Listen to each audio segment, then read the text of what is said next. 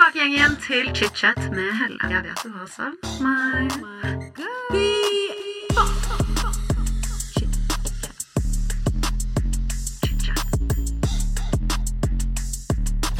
I dag får jeg besøk av kanskje en av Norges største og mest kjente artister. Andreas, bedre kjent som Tix. Andreas er jo oppvokst i Bærum, og jeg har jo gledet meg egentlig til å snakke med han i dag, for vi kjenner hverandre jo litt fra 24-stjerners julekalender, og der hvor jeg for så vidt var altfor kort. Men jeg gleder meg til å snakke med han i dag, for jeg lurer på eh, hvordan oppveksten hans var, og hvordan oppveksten hans har påvirket livet hans i dag. Jeg fikk svar på dette og veldig, veldig mye mer uh, i disse ikke bare én, to, men tre delene som vi har nå spilt inn. Og jeg har aldri hatt et så langt intervju i Chichat før. Og vi hadde så mye på hjertet at det ble rett og slett tre deler. Og vi skal snakke om alt fra oppvekst til musikk til rusttid, penger, forhold, følelser, kjæreste, eh, kjærlighet. Eh, ja, økonomi. Altså alt mellom himmel og jord. Jeg må bare si, Det blir ganske politisk ukorrekt i tider, men vi har i hvert fall hatt det veldig hyggelig og håper at dere også liker episoden. Velkommen til chit-chat. Andreas, velkommen til chit-chat. Takk! Jeg har jo ikke sett deg siden eh, egentlig premierefesten på 24 Stjerners julekalender. Mm. Godt å se deg. Like. Nå tok du på deg brillene. Jeg som, nå har vi sittet og chattet før innspillingen. Hvorfor tar du på deg brillene nå? Er det, er det on brand? To be on bare, brand? det er bare fordi jeg er på kamera, så jeg bare gidder ikke å tenke så mye på hvordan jeg ser ut. Du er jo så fin! Jo, takk, takk. Det takk, takk. Ah, men jeg i hvert fall gleder meg til å se deg i dag. Vi har jo snakket litt på telefonen da, Ja, bitte litt. i forkant av dette. Ja, tid og sted og litt flørt. Nei, Nei, alle som hører den podkasten her, vet jo at du har kjæreste, de. Jeg har jo annonsert det for hele verden. Jeg tror det er ingen som har snakket mer om kjæresten sin i en podkast enn det jeg har gjort. Jeg har jo ingen skam i livet. Men det er fint, det. Ja, er, ja jo. Jo, det Jeg er, tenker at jeg syns det er- hyggelig at du er stolt av kjæresten din. Ja, jeg, er- jeg er veldig stolt av kjæresten Mm. min. Men eh, jeg har gledet meg til å ha deg på besøk i dag. Også fordi at du gjør jo ikke podcast ofte. Jeg føler ikke at du gjør så mye intervjuer egentlig. Jeg føler at det var litt mer eh, kanskje før i tiden. Jeg blir bedt om intervjuer hele tiden, men jeg prøver å unngå det. Jeg har Ja. prøvd å dodge det noe jævlig, men uh, det er det? ofte vanskelig. Nei, jeg bare føler ting blir så Ting blir tatt så veldig ut av kontekst. Og så er det bare rett ut på TikTok med liksom én setning du sa, og så skal det Og så treffer det så sykt mange folk, og så får folk et helt feil bilde av deg. Så jeg syns Og podkast er liksom Her kan man snakke litt mer eh, utfyllende om ting, da. Og folk får liksom det hele bildet. Men jeg har litt sånn Jeg vegrer meg, vegrer meg litt for det òg. Fordi eh, Eller altså, forrige gang jeg gjorde podkast, det, var, eh, det var vel Kontoret med Oskar og Snorre. eh, som var veldig gøy. Um, men det var jo um, Det er jo veldig TikTok-basert også, ikke sant. Du legger ut uh, highlightsa. Og da er jo litt av greia der at man skal, man skal kødde mye, og man skal være litt drøy, og det er veldig gutta. Og det er moro, men øhm, jeg ble jo bedt om liksom Jeg skulle ha noen historier med meg på forhånd. Og så skulle jeg liksom Og så skulle jeg så visste jeg også at jeg skulle fortelle noe på sparket der. Noen øh, historier om liksom, hva er det sykeste du har opplevd på turné og litt sånn. Uh, og jeg måtte bare liksom forberede meg litt i mitt eget hode og prøve å moderere meg litt. For jeg var sånn Jeg har ganske mange sjuke historier, men jeg kan ikke Jeg kan ikke fortelle alt. Ja. Eller jeg kan ikke utlevere meg selv helt. Eh, og så opplevde jeg bare at etter den podkasten så fikk jeg noe jævlig med backlash. Å oh, nei, så du jeg- følte at du fikk masse negativ Jeg følte at eh, OK, her er, okay, eh, det er eh, modus, eh, vi skal være drøye, og det skal være fett. ikke sant? Og så, og så blir jeg liksom spurt om uh, Si en syk ting du har opplevd, og så, ah, ok, og så sier jeg en syk ting jeg har opplevd. Og så uh, kommer det på TikTok, og så er det så sykt mange som bare ikke tror på det. Oh, ja. Så folk trodde jeg løy. Og så var jeg litt sånn Her har jeg snakket med Oskar på telefonen og sånn, og vært sånn Nei, men den historien er for drøy. Det er ingen som kommer til å tro på det. Jeg kan fortelle den her. Den kommer folk til å tro på. Ikke sant? Og så, og så trodde folk likevel ikke på det. Men jeg øh, opplevde at de som hadde fulgt meg, de som har fulgt karrieren min helt fra start, eller veldig lenge i hvert fall, og har sett meg øh, i mange år, de skjønte liksom at ok, det er ganske sannsynlig at det her Sannsynligvis har nok det skjedd, for han har hatt et ganske sjukt liv. Men jeg, jeg syns bare det var litt sånn rart. Many of us have those stubborn pounds that seem impossible to lose, no matter how good we eat or how hard we work out. My solution is PlushCare. PlushCare is a leading telehealth provider with doctors who are there for you day and night to partner with you in your weight loss journey. They can prescribe FDA-approved weight loss medications like Wagovi and Zepbound for those who qualify. Plus, they accept most insurance plans. To get started, visit plushcare.com slash weight loss. That's plushcare.com slash weight loss. Planning for your next trip? Elevate your travel style with Quince. Quince has all the jet setting essentials you'll want for your next getaway, like European linen, premium luggage options, buttery soft Italian leather bags, and so much more. And it's all priced at 50 to 80% less than similar brands. Plus, Quince only works with factories that use safe and ethical manufacturing practices. Pack your bags with high-quality essentials you'll be wearing for vacations to come with Quince. Go to quince.com slash trip for free shipping and 365-day returns. Hiring for your small business? If you're not looking for professionals on LinkedIn, you're looking in the wrong place. That's like looking for your car keys in a fish tank. LinkedIn helps you hire professionals you can't find anywhere else, even those who aren't actively searching for a new job but might be open to the perfect role. In a given month, over 70% of LinkedIn users don't even visit other leading job sites. So start looking in the right place. With LinkedIn, you can hire professionals like a professional. Post your free job on linkedin.com slash people today. Men følte du på en måte at det, eh, det bare var Du fikk mer negativt nesten ut av å være der enn det positive ved å dele en kul historie? mm, eh, mer det at hva er på En historie som i utgangspunktet er hemmelig, og så eh, velger jeg å fortelle likevel. Men så er det ingen som tror på det. Så, virker, så får jeg mer negativt ut av å dele den historien enn noe positivt. Sånn, ja. Jeg har ganske lang dagbok med sånne historier, så det er masse mer der det kommer fra. Men da får det bare Jeg får holde litt tett om det enn så lenge, tror jeg. Ja. Og så vil vi se om du har lyst til å fortelle noe i dag. Ja, du, jeg har, jeg har så mye. Du og når du mye- får meg til å altså, skravle, Helle, da Men du og jeg, vet du, vi har jo sånn som, Vi har taleapparat i orden, ikke sant. Du og jeg, vi kan skravle i meg, Sånn som når vi ringte for et par uker siden. Skulle snakke i Mm. sånn fem minutter. Så etterpå at vi hadde snakket i sånn en time nesten på Ja, telefonen. det er meg i et nøtteskall. Dere vet, uh, folkens, den podkasten her blir lang. Ja. Det blir en lang episode. Åh, Den her skulle du se både på bussen til og fra skolen. Og i morgen òg, Og kanskje. til trening, og Ja. hjem fra trening, og på mens du pumper på gymmen, Kommer til å bli liksom. så jævlig sliten av meg. Jeg syns det er nydelig, jeg. Men som eh, tradisjonen tro, i Mm. chit-chat, før vi liksom kommer til livet i dag og alt vi skal snakke om, for vi skal snakke om eh, Vent, da, da, da, Hva da. Nå, nå hørtes det ut som jeg liksom Nå hørtes det som jeg da angrer på podkasten. Du- At jeg ikke liker Oskar og Snorre. Jo, jeg digger jo de! Nei, jeg bare, jeg bare Åh, jeg tok meg selv i at tiden har forandra seg litt. Fordi jeg er, så vant til, jeg er så vant til at folk skjønte liksom hva jeg driver med, og at livsstilen min er sånn og sånn, og at det er selvfølgelig mye sjuke ting som skjer.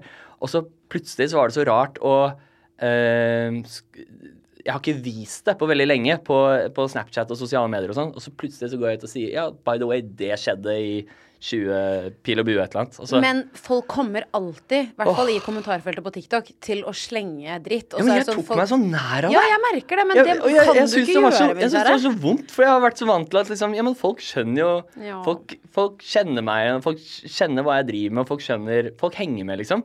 Og så plutselig så opplever jeg at masse folk bare Nei, han har ikke gjort det. Og så er det sånn Hva vet du om det? Men altså, Andreas, hva vet de om det? Dette her, altså både podkast og Det er du liksom som klipper på den. Vi bare klipper vekk. Ja, nei, men jeg tenker helt seriøst at det er også viktig å ha med, bare fordi det viser også at selv du, da, Ja. bryr deg om kommentarfelt på sosiale medier. Ja. Dette her er noe de aller fleste må deale med. Man blir påvirket i hytt og pine. Mm. Og jeg syns det er litt digg, skal jeg være helt ærlig, å høre at du også blir påvirket av det, for jeg også kan jo legge ut noe av meg. Ja. Altså, please, jeg la ut en video uh, for et par uker siden Mm. om hvordan jeg bare hadde det i starten av 20-årene da jeg datet. Og jeg Mm. at det å date dudes i starten av 20-årene synes jeg var jævlig utfordrende. Fordi Mm. jeg følte at de liksom ikke holdt avtaler, og jeg syns liksom at når jeg ble litt eldre, så ble det litt lettere Ja. å date litt eldre uh, når jeg også ble eldre. Mm. 450 kommentarer av menn som forteller meg hvor stygg jeg er, hvor tjukk jeg er, hvor, uh, hvor, hvor ufin jeg er, og hvordan, hvordan kan jeg sette menn i boks. Poenget er bare det at det, jeg har valgt å legge det ut der, og, og folk har selvfølgelig rett til å si hva de vil. Jeg bare sier at det er ikke alt man skal ta til seg. Alle Nei. kan ha sin mening, og alle kan mene hva de vil, men bare husk på hva din virkelighet er, og hva min virkelighet er. Ja. Og sånn er det å jobbe med det vi jobber med. Og man må bare ha jævlig mm. hard hud. Og det sier jeg egentlig høyt for å overbevise meg selv òg, for believe me, jeg har faen meg gått noen runder med meg Ja, selv også, altså. Men For min del så er det ikke, det er ikke nødvendigvis stygge kommentarer som er mot. Er Mer det å bare ikke bli trodd på et eller annet som bare er Ja, men det er livet mitt, og hva skal jeg gjøre hvis ikke folk tror på det, så er, det føles som jeg blir så distansert fra folk, og det vil jeg ikke. Uh, men ja, nei Men de som liker deg, og de som har fulgt med på deg, og de som genuint uh, bryr seg om hva du ja, gjør, De da. tok det som en bra. De Ja, ja. tror på det, og det er uh, sikkert gøy. Jeg, jeg gleder meg til å gå og finne den historien etterpå. Det kan jeg godt si. Altså, jeg Du trenger ikke det heller. Men jeg, jeg, jeg, Hva faen har du sagt? Jeg har jo bevisst gått inn da i veldig mange år for å leve et liv hvor jeg chaser gode historier. Så jeg gjør en del ting kun for historiens skyld også. Ja. Eh, Det syns jeg er litt gøy at du sier. Det er litt sånn som um, uh, folk som driver med standup. Ja. De også chaser gode historier, bare fordi de bare putter det. seg i situasjoner som Kjempegøy. Ja, og det lager jo karrieren deres. Jeg skjønner jo det. Ja. Men vi må hoppe inn i manus. Altså, du og jeg, vi Det, det sklir så ut. Vi er på åtte minutter allerede. Ja, men kan vi bare deilig, ikke tenke, kan vi ikke tenke minutter og sekunder her, for det blir så veldig La oss bare kose oss litt, da, Helle. Jeg syns du er seriøst den ingen nydeligste gjesten. her. Ever. Jeg syns dette er veldig deilig. Dette er episode én av ti i sesongen Helle og Tix. Det blir en sesong. Her er det to stykker som liker å prate. Fy farskan. Men eh, hvis vi skal snakke så lenge, vi hopper tilbake til Bærum, vi. 1993. Ja, Da ble du født. da ble jeg født, dette. Men uh, Bærum generelt, altså, som vi gjør i chit-chat, vi snakker jo Mm. om uh, barndom og litt familiedynamikk, bare for å få på en måte et litt større bilde av den du er i dag. Og mange vet jo mye om oppveksten din, fordi du har fordelt en del. Mm. Ja. Men vi går bare litt gjennom det. Jeg syns det er veldig hyggelig å høre. Ja. Så uh, kan ikke du fortelle litt om familiedynamikken hjemme hos dere når du vokste opp? Oi. Ja. Um, jeg vet ikke, jeg hadde jo for så vidt en ganske ehm, Jeg føler det mange har hørt, er liksom den sippete historien. Eh, og det er vet du, Nå begynner jeg å rante igjen. Eh, men ja, men Rett på ranten. ja, jeg liker det. ja, men det Kom skjer med én gang. Jeg har så mye inni meg som vil ut. Uh, folk, det ble jo på, Særlig liksom under korona sånn, så var det veldig mye snakk om barndommen min. Uh, og det ble på Jeg følte nesten det liksom ble malt et slags bilde eller et slags narrativ som jeg ehm, eh, Uansett hva jeg sa, så ble det på en måte satt i den båsen at han hadde en vanskelig barndom. Og det er ikke alltid det jeg har sagt. Uh, uh, flere ganger har det liksom kommet ut at han ble mobbet. Og så ja, det har jeg aldri sagt! Men det, blir, men det blir sagt om meg, og det er veldig, veldig rart. For jeg syns egentlig at Jeg, jeg syns uh, det er mange ting med barndommen min som var utfordrende og tungt. Og som kanskje jeg som med den personligheten jeg hadde, tok ekstra tungt, eller syntes var ekstra vanskelig. Var veldig liksom, forsiktig, litt redd og nevrotisk som kid. Veldig redd for å gjøre ting feil. Um, men eh, jeg syns at jeg har hatt har veldig fine foreldre. Eh, veldig fin familie. Og eh, har hatt en oppvekst som jeg tror har vært ganske sunn. Eh, er veldig, veldig takknemlig for oppveksten min. Eh, og jeg hadde aldri Altså, du skal Oppvekst skal være litt vanskelig. Jeg tror alle har opplevd noe vanskelig i oppveksten, liksom. Og for noen så preger den det mer gjennom lengre del av livet enn andre. Uh, og det er egentlig det jeg prøvde å kommunisere gjennom hele korona. At uh, mange bærer fortsatt på oppveksten sin. Da. Eh, Jeg syns det er litt godt å høre deg si det du sier nå, fordi det er sånn Jeg også tror jo at alle har hatt utfordringer Ja. på en eller annen tidspunkt. Og jeg tror også, hvis du går gjennom en hel oppvekst og ikke går, har noen eh, vanskelige perioder eller noe du står i, så blir det liksom Hva er det du er rustet for i jeg tror det blir vanskelig å bli voksen. Ja. Ja. Sånn, tenk når du kommer i arbeidslivet eller begynner å studere. da Nå skal du levere en master, og du bare har aldri kjent på å jobbe Mm. tungt eller hardt for noe, eller være utestengt. Kanskje du føler deg utestengt av noen på studiet, kanskje du begynner i en jobb, du sliter med å få jobb. Ja. Avslag på avslag på avslag i arbeidsmarkedet. Det er dritslitsomt. Det er Mm. sånn Jeg bare tror at det å ha hatt litt motstand uh, i ung alder egentlig er veldig sunt. Ja. Og så er det så mye så, det er så mye fint med det, fordi du finner folk som heier på deg tross motstanden. Eh, kanskje du føler at du må motbevise noen, eller du må bevise deg selv, kvalifisere deg på en eller annen måte. Det gir deg en drivkraft. Eh, ved motstand så blir mennesker eh, Du knytter tettere bånd til enkelte mennesker. Noen mennesker blir veldig mye viktigere for deg, fordi dere går gjennom utfordringer sammen. Uh, så jeg har, jeg har så mye verdifullt å hente ut av barndommen min. Og jeg tror ikke jeg ville byttet den vekk mot noe. Det er Eh, fint. Jeg syns den er helt sånn I vanskelighetsgrad så syns jeg oppveksten min var helt sånn midt på tre. Uh, For jeg, for jeg har hørt om så jævlig mange skjebner som bare er helt liksom utenkelig vanskelig. For jeg fikk jo tilsendt titusener av meldinger med, med, med, med ord. Ja. Ord, Helle. Jeg fikk tilsendt titusener av meldinger under korona. Liksom. Det var helt, helt sykt hvor mange som bare åpnet seg og brettet ut om livet sitt. Og det setter ting veldig i perspektiv, da. Um, hvor uheldig man kan være. Um, jeg syns jeg har kommet veldig godt ut av det. Veldig Ja. Det var akkurat passe vanskelig for meg. Men kanskje særlig vanskelig når du er litt sånn ehm, Hvis du er en veldig nevrotisk kid, da, er redd i utgangspunktet, så er ting vanskelig å deale med. Og folk dealer med ting på forskjellige måter.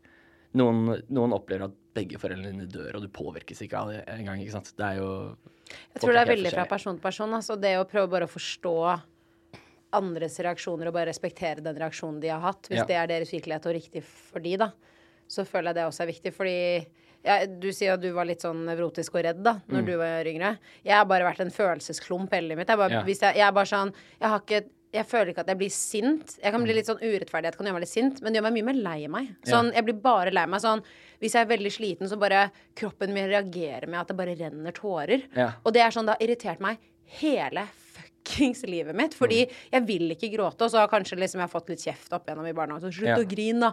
Jeg klarer ikke noe Mm. Det bare renner. Det er som en, noen skrur på en kran, liksom. Mm.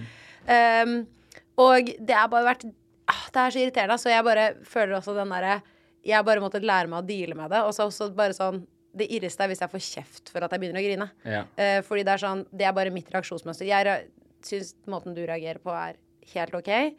Jeg må bare ha fem minutter, så slutter jeg å grine. Jeg skjønner at det er litt inn, jeg griner veldig mye, altså. Men alle er forskjellige, og må bare Jeg tror alle har sine utfordringer og sine greier, og man må bare finne sin måte å deale med det på og komme seg liksom gjennom det til den andre siden. Fordi alle har noe, da. Ja, jeg prøver å være veldig bevisst på liksom, Alle har bagasje, men jeg prøver også å være veldig bevisst på det i møte med nye mennesker. Siden jeg møter såpass Jeg møter jo unaturlig mange mennesker. Eh, og det forventes at jeg skal prate og ta meg tid til alle sammen. Eh, og det forsøker jeg å gjøre, for jeg er veldig glad i å møte mennesker. Ehm, og, og da prøver jeg alltid å være veldig bevisst på i møte, Ikke bare liksom nødvendigvis bagasjen folk har, men eh, at alle har en barndom, og at barndommen deres sannsynligvis er ganske lik min. Det kan linkes til min, men, sant, men også samtidig veldig forskjellig, da. Eh, Og alle har noe, da. jeg tror det er da. få som liksom ikke henger igjen lite grann i barndommen sin. Nei, altså Jeg kjenner ingen som ikke har blitt formet på en eller annen måte. Og det er jo grunnen til at jeg vil ha den introen her i Chichat òg, for jeg mener at hvis man får høre litt om barndommen til en person, spesielt som man leser om i media, overskrifter 'Tjente 20 millioner', Ja, eh, liksom ditt og datt, musikk, eh, kjendis, giftskilt Altså det er, sånn, det er så lett å dømme folk. Ja. Og, og alle dømmer til en viss grad. Det mener jeg også. Jeg også. Altså sånn eh, Alle har forutinntatte meninger om Ja. situasjoner og mennesker og her hvor det går. Men jeg bare mener at når man får høre litt mer om bakgrunnen til en person, så gir man de som oftest mye mer slack. Det er litt sånn Ja. Se for deg at bestevennen din kommer til deg og har gjort noe driti seg noe jævla ut, liksom. Ja. Så blir man sånn OK, fuck you, du var idiot. Eh, men vi fikser det. Hvordan kan vi fikse opp i dette? Mm. Ja. Men hadde det vært en person du ikke kjenner eller har snakket med en gang, så blir Ja. man sånn Jeg skal aldri ha noe med deg å gjøre. Dette er kjempetillitsbrudd, og jeg vil ikke snakke med deg Word, igjen. Altså, gi folk litt slack. Ja. vi er bare mennesker. Og, og vet, du vet du hva det verste med samfunnet vi lever i nå er? Nå, Nå jeg. ranteren. Ja, nå nå fyrer jeg. For vet du hva? Ja, men det er ikke lov å si noe lenger. Ingenting. Og det er ikke det som er det verste. Men det er derfor jeg bare Det er ikke lov å si noe, og det provoserer meg. Nå har jeg lyst til å si noe. Jeg bare Det er var det, det er noe bibelskreier eller noe Jesus eller et eller annet opplegg med at uh, den som uh, aldri har syndet, kan kaste første steinen, ikke sant? Ja, skjønner, skjønner hva du mener. Ja. Og det er ett aspekt ved det. Men nå er det det samfunnet vi lever i nå, så er det om å gjøre å ta den første steinen og kaste den. Det er om å gjøre å være moralens vokter. Å være, Mm. altså, fordi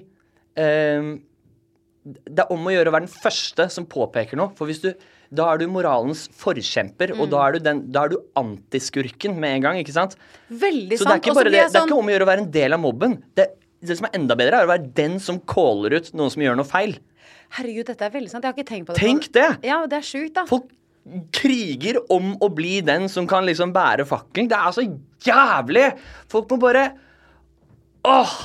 Ja vel, så snorta Northug coke, og så kjørte han bilen sin, og så gikk det gærent. Men hallo! Han er verdens Og så er, og så er det sånn så er det verdens beste skiløper, og så skal du få så jævlig mye tyn for det uten at liksom Jeg skjønner hva han mener med at, det, at det, han har gjort så mye, da. Og så Ja. skjer det én ting, og så blir det identiteten hans. Ja. Når han på en måte var med alt det andre han har gjort som er så bra, og jobbet så hardt for det. Og så er det, nå, nå, vet du hva, det her er livsfarlig å si også, men Atle Antonsen-situasjonen, da. Ok, det er bare, spent. Atle, liksom Helt lang karriere. Altså, det er livsfarlig å snakke om, ikke sant? for du blir jo cancelled bare av å prate om det. Mm. Men jeg føler liksom eh, Det må være lov å prate om ting uh, uten at man nødvendigvis tar noen side. Åpenbart så var det Atle gjorde dritkjipt gjort, og ikke veldig fett. Og det er liksom noe man kan diskutere veldig. Men jeg føler den debatten, den gikk litt vel langt. For du har en hel karriere, og så har du ett feiltrinn, og så skal det plutselig definere hele deg som person. Alle holdningene, alle verdiene dine, absolutt alt ved deg. Du skal ikke ha noe jobb videre, og vi skal bare ødelegge deg, liksom. Når man prøver å si unnskyld og si Vet du hva? Skikkelig feil. Det her skal jeg ikke gjøre igjen. Jeg vet at det ikke er riktig. Jeg dreit meg ut. Og øh, beklager, liksom. Og så er det liksom ikke godt nok når folk unnskylder seg, selv om de virkelig mener det. Litt slack! Jeg skjønner hvor du kommer Vi er jo alle mennesker er jo bare Vi er redde for å bevege oss i verden nå, fordi liksom det, det, Folk Verden er ikke full av liksom muligheter av mennesker lenger. Verden er full av mennesker som venter på å ta deg. Det er godt sagt, syns jeg. Også spesielt kanskje i vår Det tok meg fem minutter å komme fram til det. Nei, men jeg, men jeg skjønner hva du mener, og du måtte jo ha poengene dine for at jeg forstår det også. Og jeg tror det er bra å ha det resonnementet før man på en måte eh, drop the mic også, fordi det er så sjukt i den bransjen vi er i, hvor Ja. det er så mange ting som jeg har sagt i den podkasten her. Og jeg er jo ganske uh, hard, eller sier ting, men jeg er også litt sånn var. Ja. Det er så mange ting jeg ikke har turt å publisere, fordi jeg er så redd for å tråkke noen på føttene. Ja. Men vet du hva, jeg hadde en litt sånn hvem som helst, ikke sant? jo, men det er akkurat det. Jeg hadde faktisk en liten åpenbaring her om dagen. eh, eller var faktisk nå i, på nyttårsaften jeg kjørte hjem. Ok, Kanskje, kanskje en sjukt resonnement. Men eh, jeg kjørte hjem fra Beitostølen fra nyttårshelg. Ja. Kjørte gjennom Hønefoss. For å unngå noe trafikk. Der så jeg en sånn kjempebillboard av Iselin Guttormsen som het One Night Stand. Som er showet til Iselin Guttormsen. Du så en svær billboard i Hønefoss? Ja, eh, av Ja, billboards i Hønefoss. Det er jo Jeg liker at det Times Square og Hønefoss! Det er imponerende. Sorry, det ble så jævlig seriøst her. Jeg måtte bare, jeg måtte bare, jeg måtte bare Jeg sofne klarer ikke! Nå så jeg for meg sånn mini Times Square i Hønefoss.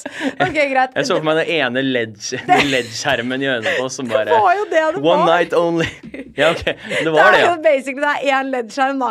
Ja. Men den, den var stor. Sånn, Ja. den var sånn, det var det jeg så i Hønefoss. Sånn, Den var så stor. Hvor det sto sånn One Night Stand Iselin Guttormsen. Og så um, Jeg føler at Iselin er litt sånn godt eksempel på dette. Fordi enten så har du en sånn greie med at du elsker henne, eller så liker du henne ikke. Fordi Mm. Ja. Mm. hun har sterke meninger.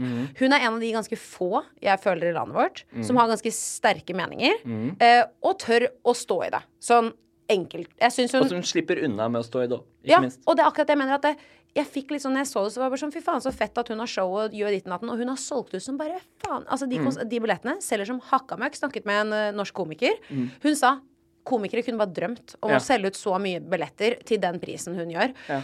Og vet du hva, da var jeg litt sånn, vet du hva? Dette beviser jo også på en måte litt at folk trenger også de Folk sterke stemmene. Folk vil ha det også. Så jeg blir sånn, De elsker å hate på det, men de elsker det også. Fordi jeg blir sånn Hvis vi alle blir kuet til, eh, til stillhet, da, så er det jo ikke noen meninger igjen. Men vet du hva problemet er? Hva da?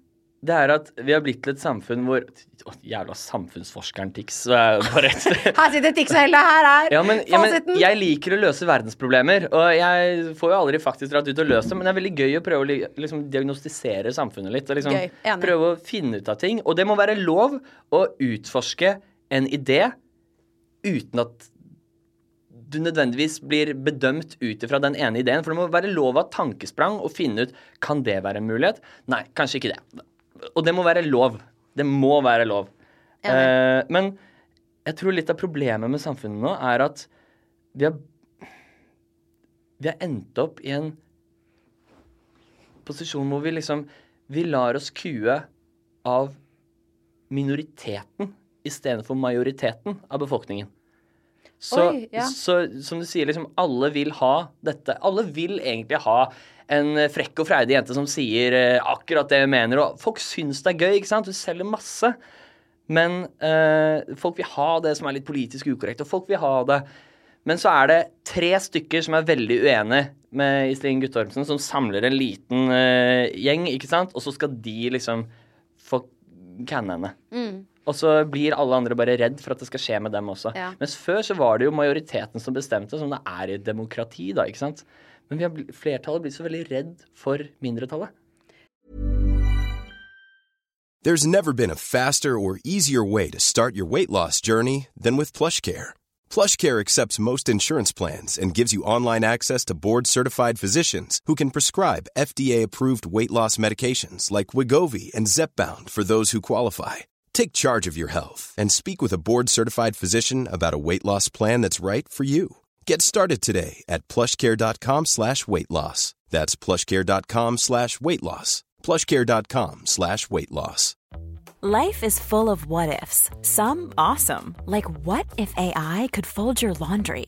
And some, well, less awesome, like what if you have unexpected medical costs? United Healthcare can help get you covered with Health Protector Guard fixed indemnity insurance plans. They supplement your primary plan to help you manage out of pocket costs. No deductibles, no enrollment periods, and especially no more what ifs. Visit uh1.com to find the Health Protector Guard plan for you. Many of us have those stubborn pounds that seem impossible to lose, no matter how good we eat or how hard we work out. My solution is PlushCare. PlushCare is a leading telehealth provider with doctors who are there for you day and night to partner with you in your weight loss journey. They can prescribe FDA-approved weight loss medications like Wagovi and Zepbound for those who qualify. Plus, they accept most insurance plans. To get started, visit plushcare.com slash weight loss. That's plushcare.com slash weight loss. Vet du hva det der, Når vi sitter og snakker om det nå, så er det jo Det er så jævlig sant. Ja, er det ikke det? Jo, jeg syns det er dritsant. Og så blir jeg litt sånn La det være et sted, da, hvor Fetisha, Mats Hansen, Iselin Guttormsen og Ja. Barvis Breivik kan ha sine meninger. Ja. Jeg sier ikke at alt er like heldig. Jeg sier ikke at alt er det jeg står for. Jeg bare sier at eh, ytringsfriheten er jævlig viktig i et samfunn. Og at vi må kunne ytre oss. Greit, kanskje eh, Baris Breivik og jeg ikke står for akkurat det samme hele tiden. Men det gjør ikke jeg med Fetisha, Mats Hansen eller Iselin Guttormsen heller. Altså, sånn er Det er, det. det er ingen av de jeg er 100% enig med. Nei, ikke Men jeg sant? kan Ikke ikke liksom heller. bedømme hele personen og bestemme meg for å cancele noen av den grunn. Og jeg syns at alle de fire har noe bra ved seg også. Mm. Sånn, jeg synes Mangfold er gøy. Og nå tok jeg bare ti ster nei, fire sterke personligheter her. Ja, men, det men var fire ganske prominente i sine altså, ja, de, ikke- er, de, er, de er jo De fire var ganske åpenbare. harde mennesker som liksom sier hva de mener. Men jeg bare Ja. sier at jeg også har hatt kanskje en par tanker noen ganger hvor jeg er sånn Mats Hansen er ikke min favorittperson på måten han gjør ting på. Mm. Men så var det bestevenninnen min som sa noe til meg sånn Men det er egentlig jævlig viktig at Mats Hansen gjør det, for det får deg til å tenke. Ja. Og da var jeg sånn. Det var litt sånn uh, For jeg var litt sånn Fy faen, jeg synes Mads Hansen er litt sånn Hvorfor skal han kommentere på kroppene til jenter som er liksom 20 år yngre enn han? Jeg bare syns det er jævlig ufint, på en måte. Mm. Men så var hun litt sånn Men han skaper en debatt ved å gjøre det. Ja. Som er egentlig en debatt som er viktigere enn at han gjorde det i Og hvis man bare skal skjøtte han ute, så han ikke får skape den debatten, så er det liksom bare det. Vi må skape en debatt, og så må folk bli enige om hva er veien vi skal gå videre. Mm. Hvis du ikke har debatten i det hele tatt, så går du jo bare blinde. Hele befolkningen. Jeg, jeg vet ikke. Det her er så rart å snakke om. Jeg vet ikke om vi kommer til noen fasit nå, egentlig, men, Nei, bare, ikke det, men jeg er det er gøy viktig å liksom å snakke om. Mm. lufte forskjellige aspekter ved det. Og det må, være, det må være lov å liksom ta en titt på det uten at du skal bli kritisert for at du liksom eh, For at du er imot noen, eller at du støtter noen. Altså, man må Man må få lov til å kunne tenke, og man må få lov til å kunne tenke feil. Og så må du gi slack til folk, slik at de kan bli eh, Folk må kunne gjøre, tenke seg fram til sin egen mening. Folk må la seg overbevise med tid, istedenfor at man skal gi noen en mening som er riktig. Og hvis ikke du mener det jeg mener, så mener du feil, og da er du et forferdelig menneske. For sånn syns jeg det har blitt litt, ikke sant? Mm, er jeg enig. Ja, nei, jeg vet ikke. Hvis alle ja, sånn- bare, hvis alle gir hverandre litt slack, eh, så tror jeg man kommer langt. Kan vi ikke snakke om litt knulling eller noe sånt, da? Det er bare myke det opp. Ok, nå Det vi, da blir det penger og knulling i stedet. Det er Ja. koselig. Velkommen til chit-chat. Penger er, og eh, puling! Det er mine er favoritt-Per. Ok, men vi Og pizza. Pizza, penger og knulling? Ja, det, nei, Nei, puling. Pizza, pizza, penger og puling. Det er, det er en låt, det. Staysman, jeg var først. Må passet, så kommer Stace og stjeler den med en gang. Fy faen, altså. Da, jeg, jeg kommer til å få Den podkasten her kommer til å gi meg en slags Hver gang jeg har gjort intervjuer og sånn, så får jeg en sånn intervjuangst. Og det er fordi jeg er veldig redd for uh, hvordan ting kan bli tatt ut av sammenheng. Og hvordan liksom Du vet aldri hvordan folk tolker Jeg føler jo nå Nå får jeg jeg er stressa for hvordan liksom folk eh, tar ting jeg sier, hele tiden. Men jeg, Jeg men jeg er så vant men- til at ting tas ut av sammenheng, da. Ja. Men jeg føler at nå Ja. tenker vi på en måte bare høyt, og vi tenker masse feil også, og så tenker vi noe riktig. Og så kan folk som hører på, kan finne ut hva de tenker Og så er tenker jeg. Andreas, vi vet begge to og vi ikke er noe fasit. Vi er ikke to mennesker som sitter her og sier at vi har ti jævla dumme influensere! Ja, ikke sant. Her har vi russe, russemaskinen, og så har vi eh, den litt vulgære influenseren som har lagd podkast, ikke sant. Det Det er gøy at du definerte deg selv som vulgær, men jeg slapp unna. Jeg var bare russemaskinen. okay. Er ikke jeg vulgær, liksom? eh, horemaskinen, da. Hore, hore, hore pule, russemaskinen. Ja, men pizza, puling, penger. Jeg syns det, det, er- det er hyggelig. Jeg syns det, det er hyggelig. Men la oss snakke litt om musikken, da. Fordi eh, det er jo det du er best kjent for. For meg så er jo du egentlig definisjonen på type russemusikk. Sånn, jeg, Når jeg tenker russemusikk, så tenker jeg Tix. Og da har, jeg, har du gjort noe riktig. For det er jo det du har lyst til Ja. å gjøre, er det ikke det? Jeg, jeg, jeg tok meg selv nå i at jeg sa takk. Ja, er, ikke sant? eh, Ja, jeg er veldig stolt av det. Det skjønner jeg. føler på en måte at jeg har eh, definert en sjanger. Eller ikke, nei, ikke definert en sjanger, men jeg startet eh, kommersialiseringen av en sjanger. Jeg tok en sjanger fra at det var en liten lokal greie, til at det ble en skikkelig stor del av musikkbransjen. Det er jeg skikkelig stolt av. Det er kanskje liksom livsverket mitt. Men det skjønner jeg, da. Det er jo som sagt, som jeg også nevnte liksom før podkast-spillingen, det er sånn eh, Barnet vet hvem du er, tenåringer vet hvem du er, og jeg føler voksne vet hvem du er. Det er veldig få artister eller generelt folk i bransjen vår som klarer å på en måte dekke et så stort spekter av mennesker. Og det Ja, er nok. dritimponerende. Jo, takk. Ja, og det er jo litt sånn, eh, sånn som eh, broren til typen min da, har jo to små kids. Mm. Og det er jo sånn Det er jo sånn i, i hjemmet deres, da, så er det sånn Hva gjør vi nå, dere? sier kidsa. Nå koser vi oss. Ja. Og det er jo en, en referanse til din låt, og det er jo sånn Det føler jeg er en, en gjenganger, da. Mm. De aller fleste har hørt et par låter av deg. Det er dritimponerende. Akkurat det var veldig bevisst. Akkurat, nå koser Ja, vi du oss. gjør det. Ja, nå, da var vi i studio, og så var jeg sånn jeg jeg, vil, jeg vil at vi skal lage en eller annen låt som bare um, Som gjør at vi på en måte lurer de voksne til å bli Tix-fans, på en måte. Det, altså, fordi det er en greie at eh, voksne sier ofte 'Hva gjør vi nå, dere?' Og så er det 'Nå koser vi oss'. Mm. Så hvis jeg bare, jeg bare stjal den, så hver gang en voksen sier den, så er, jeg- så er jeg inne i bildet, på en måte. Jeg vet ikke. Var, Jo, men det er jo Ja. egentlig genius fra et sånn marketing-standpoint, da. Jeg har vært ganske lur. Lagde en låt om ponnier og regnbuer en gang i tiden, bare for å få lokke kidsa til å høre på en av russelåtene som liksom var så veldig uskyldig. Og så blir de jo sendt videre på YouTube til, til sjeiken og alle de stygge låtene rett Ja, etterpå. selvfølgelig. Så jeg, jeg har gjort litt sånn. Men ja. Men når var det du begynte med musikk? Hvor gammel var du når du ble interessert og forsto at musikk var din ting? Det var digg at vi hoppet over hele barndommen min. Bare, Ja, det er jeg. Helt konge. Ja, men ja, vi er ferdige med det. Ja, nei, jeg var, eh, jeg var vel sånn Ja, 13-14. 14. Um, og så var det bare Ja, ble veldig glad i musikk. Jeg merket også at eh, da jeg drev med musikk, så roet uh, ticsene mine seg. Så jeg klarte liksom å beherske meg litt mer. Jeg kunne liksom bare miste meg selv helt i det å øve på musikk. Um, hele dagen. Så for meg så var det litt som Det fantes jo ikke noe medisin mot Tourettes. I hvert fall ikke noe jeg kvalifiserte til å få. Uh, Ok, kan jeg bare kjapt innskytning der. Sånn, du har jo tics, åpenbart. Eh, og så var du ikke kvalifisert til å få medisin mot nei, altså, nei, altså, det fins vel ikke noen sånn ordentlige medisiner mot det. Mm. Tror jeg. Vi Vi fant i hvert fall ikke fram Vi klarte ikke å researche oss fram til noe på den tiden. Ja. Kanskje det var noe Jeg vet ikke om du om du dopes ned på morfin, så tror jeg ikke du tikser så veldig mye. Og det er vel kanskje noen der ute som har så ekstreme tics, altså så helt ekstreme tics, da, at de må ha hjelp på en eller annen måte. Men det var liksom de alternativene som var liksom hypnose og sånne greier. Uh, det var jo bare tull. Trodde ikke på det. Så Men ganske sykt, Ja. eller uh, fantastisk også, at på en måte når du fant noe som du likte så godt som musikk, da, Mm. så merket du at, at tiksingen Mm, det var som medisin. Så det, det er jo spes, da, for jeg har vært veldig interessert i veldig mange andre ting også. Men først da ticsene roet seg ned, så at vi liksom fant ut at det var, det var greia. da. Så før det så hadde jeg jo eh, Da jeg var 12-13 år, så drev jeg og liksom kunne programmere i fire forskjellige språk, og jeg var eh, Jeg drev og hacka folk på internett og jeg, Ja, ja, jeg var Ja, jeg, ja, jeg har vært på dark web, ja.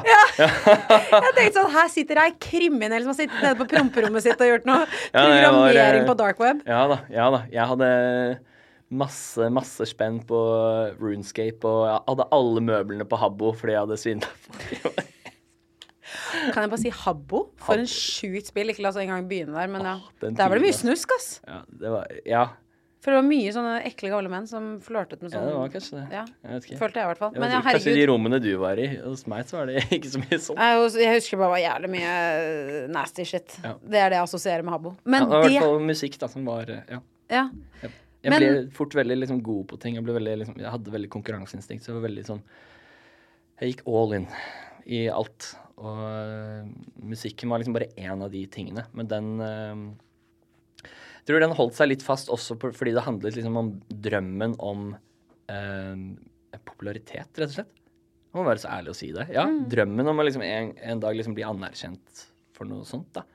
Um, Så du hadde en tanke om at du hele tiden ville bli artist og stå på scene og performe?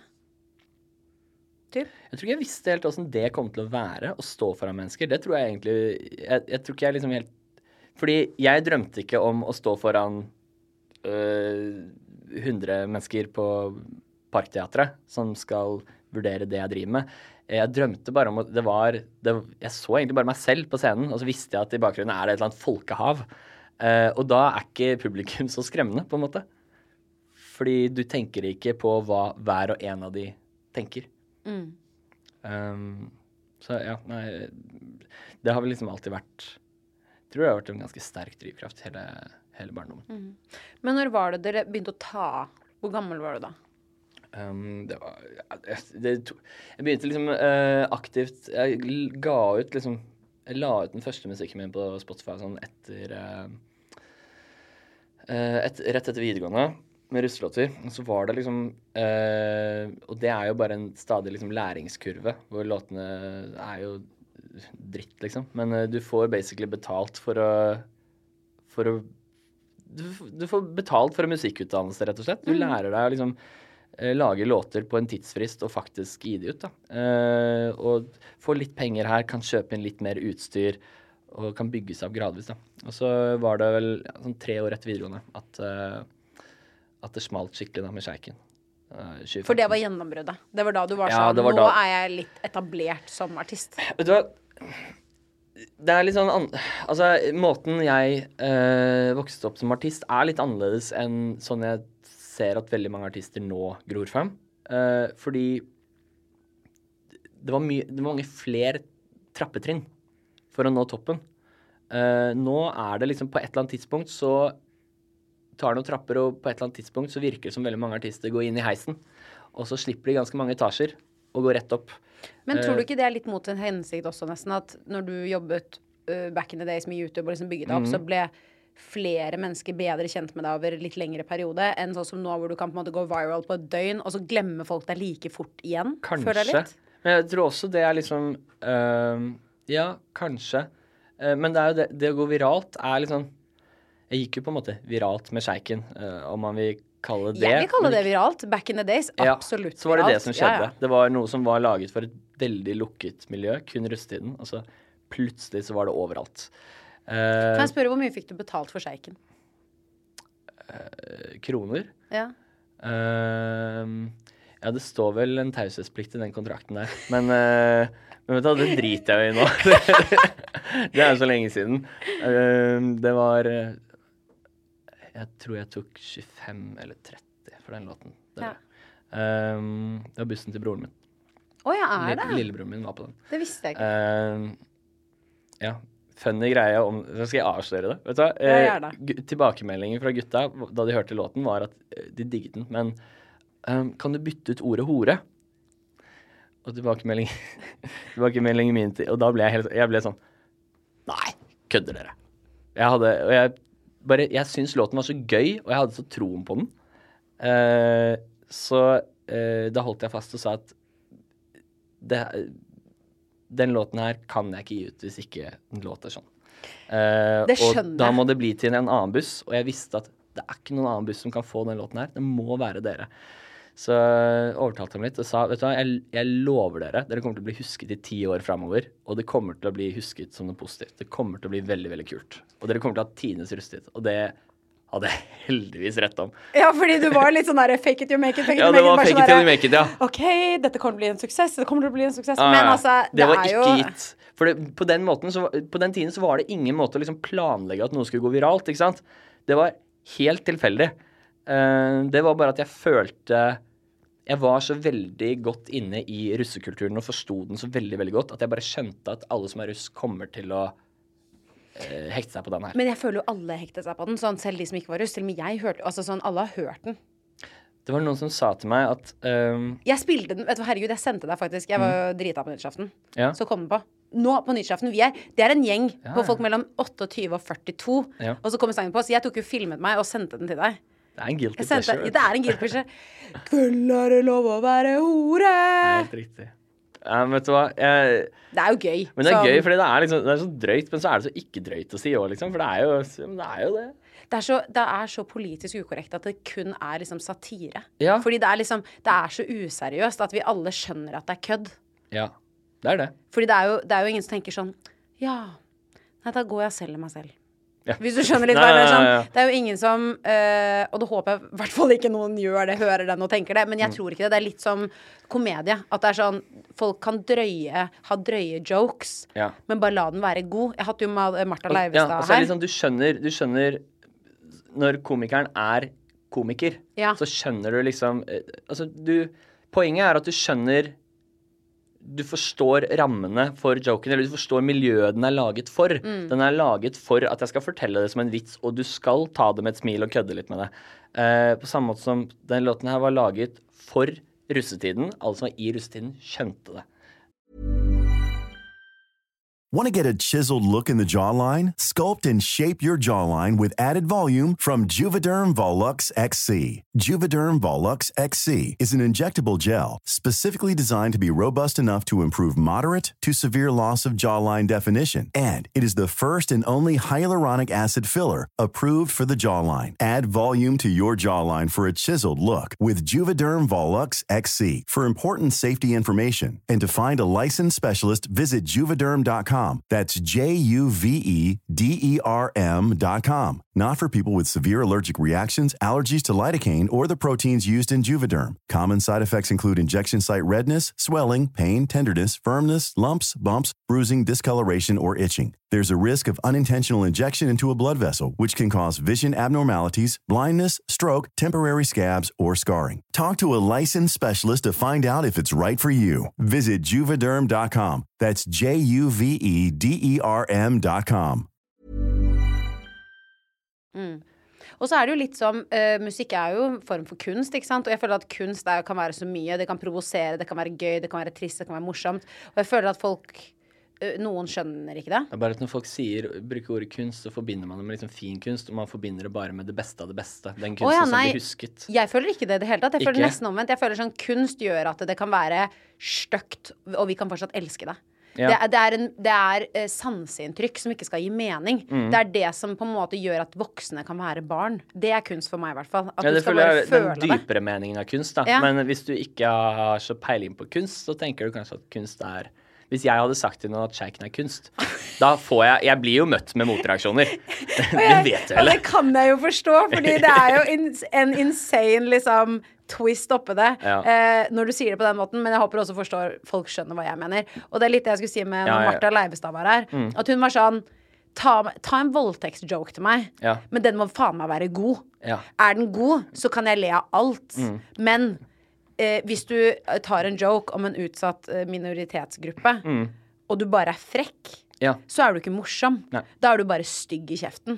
Skjønner du hva jeg mener? At det, kødd med meg om hva du vil, men la spøken være god. Ja. Og det føler jeg litt det samme her i den teksten Mm. også. Helt klart. Jeg, jeg tror også um, Det var noen som fortalte meg det her. Jeg møtte noen for, for litt siden så var det en som satte ord på et eller annet som jeg har hatt lyst til å sette ord på veldig lenge. Eller jeg har vel aldri sagt det i noe intervju eller noe sånt. Um, det var en som sa at uh, hun gikk på skolen min. Hun gikk et trinn over meg. Og så hadde hun sagt til noen at ja, jeg gikk faktisk på skole med Tix. Um, og så hadde det dukket opp liksom, Det hadde blitt en sånn debatt hvor folk hadde begynt å kriti noen hadde begynt å kritisere sjeiken. Uh, og liksom uh, russetiden og russelåtene jeg lagde. Eh, og så oh, nå er- sier jeg dette sikkert litt feil, men essensen i det var i hvert fall at uh, hun hadde stått opp for meg uh, og tatt meg i forsvar, og så hadde hun sagt at vet du hva, eneste feilen som Tix gjorde, var at han ble for stor for russetiden. Oi! Og, og så tenkte jeg på det, og så bare Nå sa du noe som jeg alltid har hatt lyst til å si. Eller alltid har hatt lyst til å klare å formulere. Fordi det som egentlig skjedde, var jo det at jeg lagde en låt som eh, Og flere låter som var laget for et lukket miljø. Men jeg var den første som lagde russelåter som gjorde liksom russelåter kjent utenfor russetiden. Og det skapte en stor debatt, ikke sant. Og det som skjedde etter de låtene her, var jo at russelåter ble populært blant de som var 15, 14, 13, og så gikk det nedover. ikke sant? 12, 11, 10, 9. Um, så plutselig så var russetid bare et veldig mye større fenomen enn bare for de som går på videregående, og de som kanskje har noen søsken som er russ, ikke sant? Eh, så det gjorde at liksom russetiden ble så veldig mye mer Du åpnet liksom gaten, liksom. Du åpnet portene til russetiden for hele Norge. Men jeg skjønner hva du mener, fordi det er sånn, jeg husker jo når jeg var russ også, som eh, Nå er jo det mange år siden, men det er sånn tekstene var dritgrove. Altså Mm. Ja. det er sånn all, det, det har jo vært russekultur veldig, veldig lenge. Ja. Men bare fordi at du lagde den og den ble så anerkjent, så hadde, var det bare flere som kunne kritisere. Ja. Eller stille liksom kritiske spørsmål og hvem påvirkes dette av? Portene til russetiden russetiden åpnes opp, og det der er første låten du møter. ikke sant? Mm. Så det var ganske, ganske spesielt da hun sa det. Så det er Ja, fikk meg til å tenke. Um, og det syns jeg egentlig er ganske kult. For, for altså, skulle jeg gått riktig fram da, som musiker, så hadde jeg, sånn som alle andre som lagde russelåter gjorde, da lager du eh, russelåter, holder det i det lukkede miljøet, og så når du liksom har tjent litt penger og sånn, så tenker du nei, nå gir jeg meg mens leken er god, og så går du ut av russetiden, og så skal du lage ordentlige låter. Nå, nå har jeg fått litt kontakter i musikkbransjen, jeg kjenner det plateselskapet, nå, nå gir jeg meg Kanskje jeg lager en russelåt her og der fordi jeg trenger penga. Men jeg var så veldig all in på russetid. Og da, det, først den porten Og det var jo sikkert planen min også, egentlig, at russetid før eller siden så gir jeg meg. Men eh, så da først den porten til russetiden var åpen, og hele Norge liksom forbandt meg med russetid, så var det liksom sånn OK, det er, det er ingen vei å snu, på en måte. Og Så- det ble jo personligheten personligheten Da må jeg bare dra det så langt jeg kan. Da. Ja. Og du elsker det. Altså sånn, det er Synes det er Det er akkurat det du syns det er gøy. Og jeg husker Ja. vi har snakket om det flere ganger hvor du bare eh, syns russetid oppriktig er morsomt, liksom. Ja, og det ja. føler jeg er liksom det, en viktig essens her, hvor det er sånn du elsker jobben din. Tenk hvor mange som syns jobben sin er piss. Mm. Du bare fordi noen andre syns at det er weird at du som 30 driver med rustetid og syns at det er gøy å lage hei det begynner å bli litt rart. Hei, eh, jo, men altså, jo I'll be the blir- first one to say it. Ja. Det begynner, det be, jeg, jeg kjenner litt på det selv også, at det Jo, begynner å bli litt rart. Men eh, det er bare hvis du drar og ruller hver dag i russetiden. Men Ja. russemusikken kan du alltids lage, da. Ja. Men jeg skjønner at hvis du Men vet du hva, i år så. Veldig spes. I år så var jeg ute med russen elleve netter, tror jeg. Ja. Eh, og det var um, Men det folk ikke vet, er at jeg har ikke egentlig pleid å være så mye ute med russen i eh, russetiden. Ja. For jeg er veldig opptatt av at det er deres feiring. Ehm, men så er det hyggelig selvfølgelig å besøke noen av de man har lagd låt til. og litt sånn da, altså Folk du har hatt kontakt med gjennom et år, og du har gled, de har gledet seg, og jeg har gledet meg til å Det er et partnerskap. Det er Jeg gleder er- meg over det, ikke sant? Jeg, vet du hva, jeg skjønner dette så godt. Og greia var at det jeg opplevde da i år, var Nå har det i tillegg vært lang russepause pga. korona og sånn, ikke sant. Og så drar jeg ut, og så bare opplever jeg en helt ny form for uh, takknemlighet. Uh, og liksom Jeg blir Altså, folk er så imøtekommende. Russene er helt fantastiske, liksom. Og jeg får bare Jeg får møtt ungdom på en helt annen måte enn de aller, aller, aller fleste andre voksne får. Eh, og jeg er så jævlig privilegert som får oppleve det. det var, um, så det var egentlig derfor jeg endte opp med liksom Jeg var jo stort sett edru når jeg var ute på de rullingene også. Jeg bare syns, Det det, er syns så, det er gøy. jeg synes det er så hyggelig å være med dem. Morsomt og kult. Og jeg skjønner det og jeg vil mye heller liksom vokse opp, bli voksen og ha kjempetiltro til ungdommen og kunne heie på dem fordi jeg føler at jeg faktisk kjenner dem og vet hvordan ungdom er, enn å vokse fra en kultur og føle at åh, denne generasjonen her blir håpløs. Fordi det er det som skjer når du blir voksen. Du, mm. du glemmer Du tenker på hvordan det var da du selv var ung. Og sånn er det ikke nå lenger. Men jeg syns det er veldig fint at jeg klarer å holde meg oppdatert på hvordan det er nå. Og derfor så, når jeg er ute, så stiller jeg masse spørsmål. Og hvis det er ord jeg ikke forstår, så spør jeg hva betyr det ordet der, jeg skjønner ikke. Og så syns folk det er stas å lære meg opp i det også. Og jeg Nei, vet du hva, jeg setter så pris på Jeg setter så pris på rustetid. Det er eh, At livet mitt ble sånn det ble, er så jævlig kult. Det er godt å høre deg si det. Og jeg skjønner at du elsker det. Men eh, jeg må bare si noe. Jeg ser at vi har holdt på lenge. Dette her blir del én. Så til dere som lytter eh, Dette er da del én, åpenbart, med Tix. Og neste del to kommer da neste torsdag. Da skal vi snakke om puling! Eh, Jeg må ja. Og, men vi skal også snakke mye om økonomi oh, ja. og damer, forelskelse, forhold, om du dater noen. Det kommer. kanskje ikke snakke så mye om Vi, puling. vi skal snakke eh, om vi skal. Men i hvert fall, hvis du vil høre det, så husk å abonnere til ChitChat. Da får du opp neste ukes episode neste torsdag. Hey. Til deg som har lyttet til denne episoden, hvis du likte det du hørte, så gå gjerne inn i appen og abonner på ChitChat med Helle. Da får du automatisk opp nye episoder hver eneste torsdag. Og hvis du er ekstra grei, så legger du gjerne igjen en review. Det hadde jeg satt kjempestor pris på. Vi høres!